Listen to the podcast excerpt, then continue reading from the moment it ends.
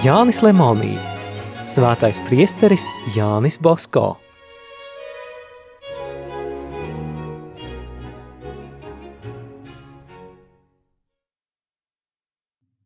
Tūkstoš 866. gadā austrumi bija satumsuši. Nesaprašanās starp Austriju un Vāciju tā sāsinājās, ka vairs nevarēja iztikt bez sadursmēm. Šajā karā kā sabiedrotajai bija jāpiedalās arī Itālijai. 1863. gada beigās priesteris Bosko prognozēja karu, badu un mēri. Mēris jau bija pagājis, vajadzēja sākties karam. 1865. gada februārī Jānis Bosko bija sacījis, ka parlaments nebalsos par klosteru iznīcināšanas likumu, ja visi daudz lūksies. Tā likās arī bija. Ministrs Ratačī atsauca savu priekšlikumu, jo citi parlamenta locekļi ar savām piezīmēm pavisam sagrozīja tā saturu. Tomēr 1866. gada 22. janvārī, atklājot parlamenta sēdi, karalis atkal uzsvēra šī likuma nozīmīgumu. Kāds cits, atcerēdamies 1855. gadā sacītos vārdus Lielas bēres karaļa pilī, drebēja un gaidīja atkal sāpīgus notikumus. Gaidīts nebija veltīgi.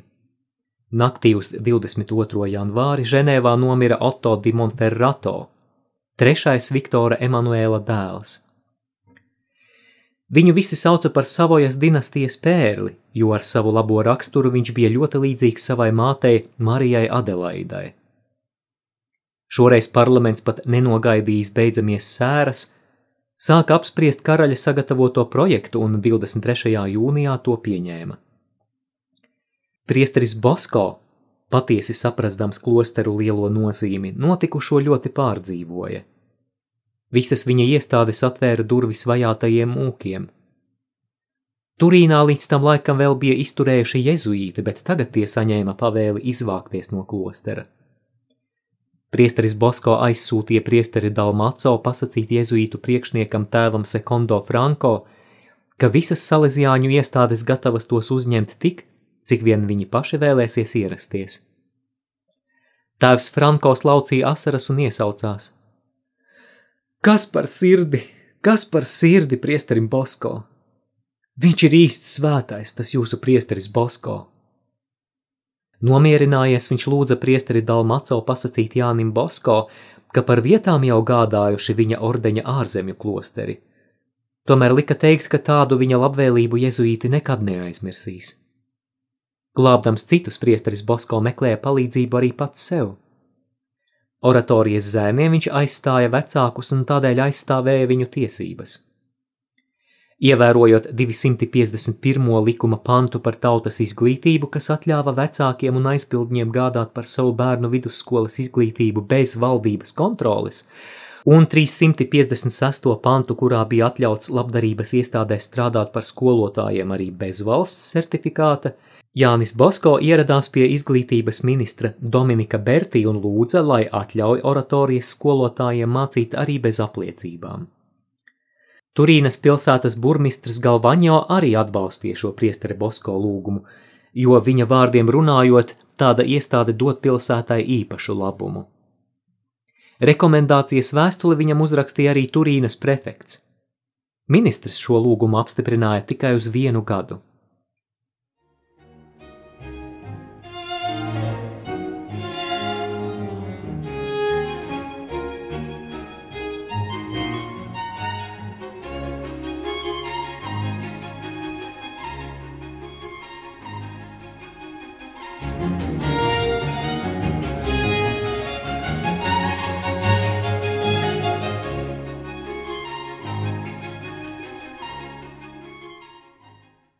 Šajā laikā baznīcas celšanas darbi rosīgi turpinājās, jo svētā jaunava ziedotājiem piešķīra sevišķas neparastas žēlastības. Priesteris Bosko stāstīja par tām presēs, prediķos un vēstulēs. Visi ticīgie katrā vajadzībā sāka lūgties Mariju kristīgo palīdzību. Turīnes laikraksts Unita Katolika 29. aprīļa numurā pastāstīja šādu brīnišķīgu notikumu. Pirms deviņiem mēnešiem es ļoti smagi saslimu. Sāpēs valstoties gultā tikko nezaudēju samaņu. Pakausis un labais vaigs jau bija baigās slimības skarts. Sasaucu visus labākos ārstus uz apspriedi, bet nekas nelīdzēja. Ārsti domāja, ka sāpīgajai vietai sākot strutot es miršu, bet ja slimība vilcināsies ilgāk, neizturēšu sāpes. Tā nu man kā no vienas, tā no otras puses lieliem soļiem tuvojās nāve. Tajās dienās mani atnāca apmeklēt žēlsirdīgais priesteris Bosko. Noklausījies par manu slimību, viņš ieteica ar novennu lūgt Mariju kristīgo palīdzību. Ja debesu karaliene jūs uzklausīs, jūs neatsacīsieties dot kādu ziedojumu viņas baznīcai, ko ceļ Valdoko. Tā nu cilvēku palīdzība nelīdzēja. Es labprāt apsolīju izpildīt viņa padomu un deviņas dienas kopā ar saviem mājiniekiem un draugiem lūdzos. Devītajā dienā priesteris Bosko vēlreiz atnāca pie manis un atkal aicināja nezaudēt cerības. Viņš pats apsolīja no rīta par mani celebrēt svēto misi. 7.15 no rīta sajūtu neciešamas sāpes. Šajā pašā brīdī varēja nomirt. Sāpes sita kā ar āmuru, un es sajūtu, ka sāpīgā vieta sāk strutot. Pēc brīža sāpes mitējās, un man jau kļuva labāk un labāk. Pagāja vēl dažas minūtes, un es biju vesels. Ģimene nezināja, ko darīt aiz prieka. Es uzvarēju slimību, kas pēc ārstu sprieduma nebija dziedināma, bet ja arī būtu dziedināma, tad dažās minūtēs es nebūtu kļuvis vesels. Tagad es jutos ar vien labāk un daudz labāk nekā pirms slimības. Šo brīnišķīgo žēlastību man deva Dievs caur Mariju kristīgo palīdzību. Turīnā 1866. gada 29. martā Giuseppe Morelli, bijušais Turīnas burmistrs.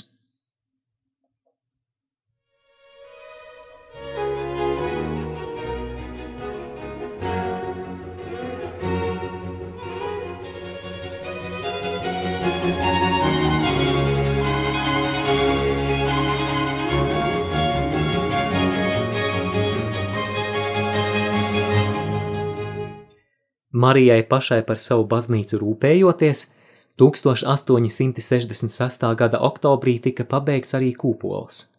Kupola mūrēšana aizkavējās ļoti ilgi tādēļ, ka priesterim Bosko trūka naudas, ar ko samaksāt strādniekiem. Vasarā jau bija uzmūrēts lielais loks, uz kura vajadzēja būt kupolam. Buzetī, vilcinādamies, gaidīja veselu mēnesi, it kā ko nojaustams. Tas nebija veltīgi, jo Marija kristīgo palīdzība parūpējās arī par kupolu.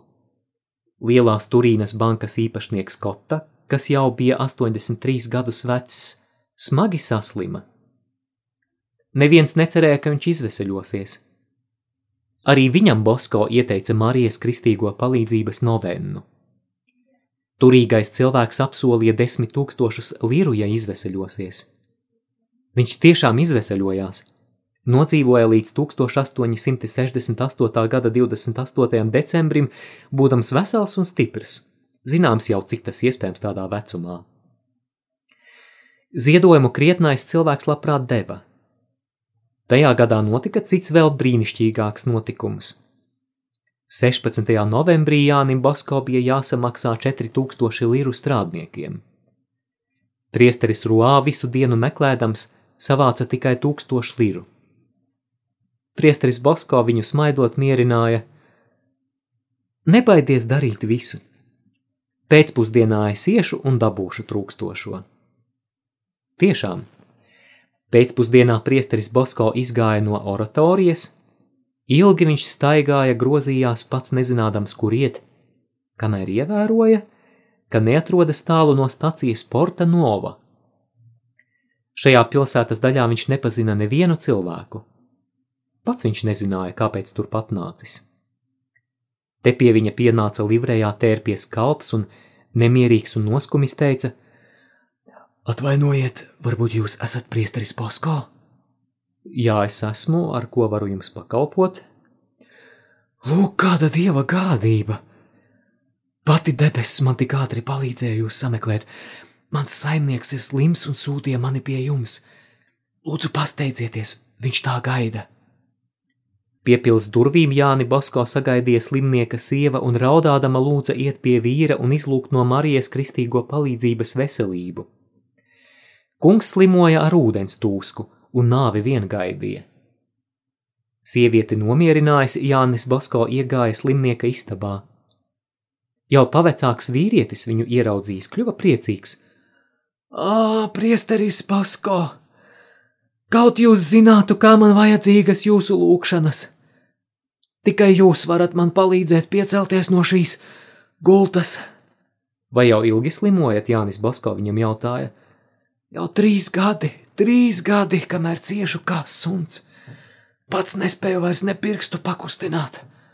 Ārstiem vairs nav cerību. Vai jūs gribat pastaigāties? Ai, kur nu? Man nabagam nevajadzēs vairs staigāt mani aiznesīs citi. Ja jūs aprunāsieties ar sievu, varēsiet jau šodien iziet pastaigāties pats savām kājām.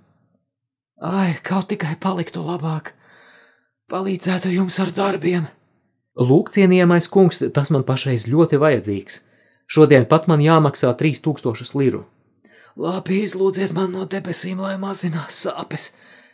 Tad šī gada beigās papūlēšos jums palīdzēt bet man jāmaksā jau šovakar. Šovakar? Kur lai ņemu naudu šovakar? Trīs tūkstošus liru nevar vienmēr turēt pie sevis. Jāiet uz banku. Kādēļ nav iespējams aiziet uz banku? Kas tad aizies? Jūs pats. Es? Ko gan jūs domājat? Jūs jokojat.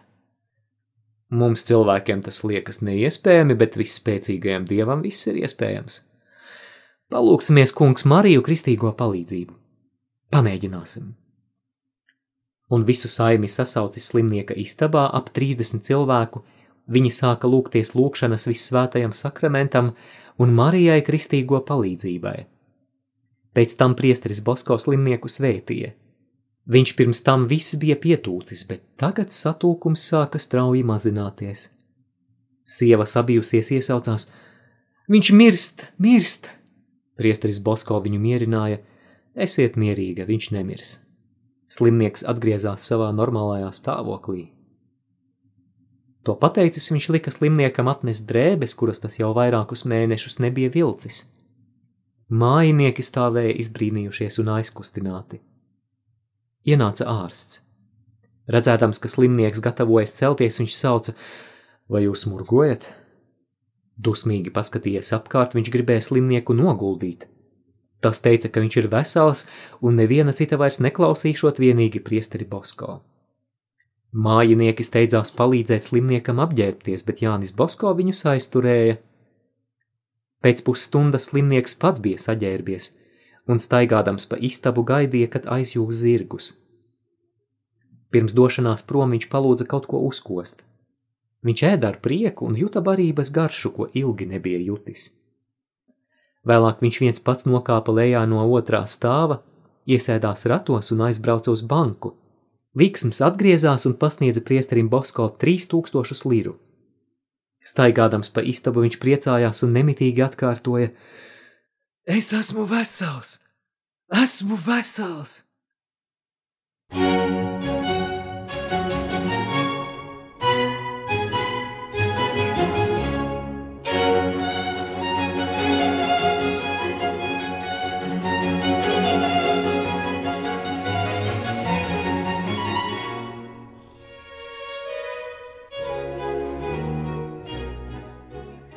Atgriezies oratorijā, priesteris redzēja, ka strādnieki gaida uzraugu. Bija laiks maksāt algu. Tagad Jānim Basko bija vajadzīgā summa. Darbus varēja turpināt. Citu svētdienu oratorijas zēniem un daudziem viesiem piedaloties tika iemūrēts pēdējais kupola ķieģelis. Ceremoniju vadīja Marķīza Faratī dēls. Decembrī priesteris Bosko aizbrauca uz Florenci. Gatavojoties ceļam, viņš redzēja, ka nav nekā, kas būtu vajadzīgs, pat cilvēciski apģērbties viņš nevarēja. Priesteriem un semināristiem vajadzēja viņu apģērbt. Viens deva cepuri, otrs sutanu, trešais aizdeva apmetni. Uz Florenci tai laikā Itālijas galvaspilsētu priesteris Basko devās ļoti svarīgu iemeslu dēļ – būt par starpnieku starp svēto tēvu Piju IX un karali Viktoru Emanuēlu sarunās par 108 bīskapu iecelšanu. Sarunas tika iesāktas 1865. gadā, tāpat ar priesteri Bosko starpniecību, bet brīvdomātājiem iejaucoties nekādi rezultāti netika panākti. 1866. gadā, beidzoties itāļu un austriešu karam un bīskapu vajāšanām, sarunas atkal tika atjaunotas. 6. decembrī jaunās valdības sūtnis Tonelli piekrita doties uz Romu.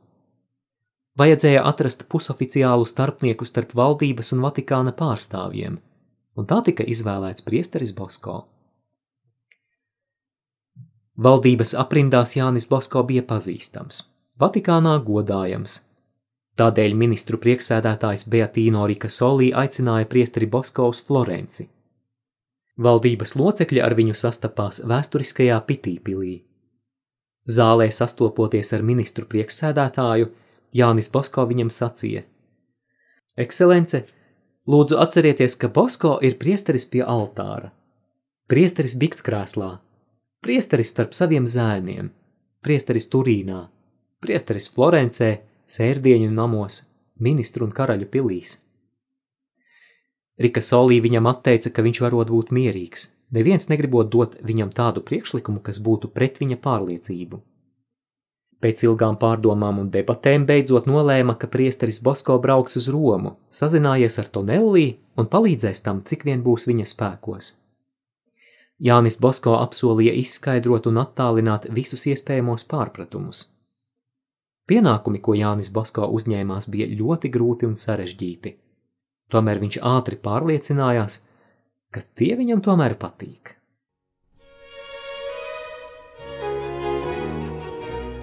Izskanēja lasījums no Jāņa Lemonija grāmatas Svētais priesteris Jānis Basko.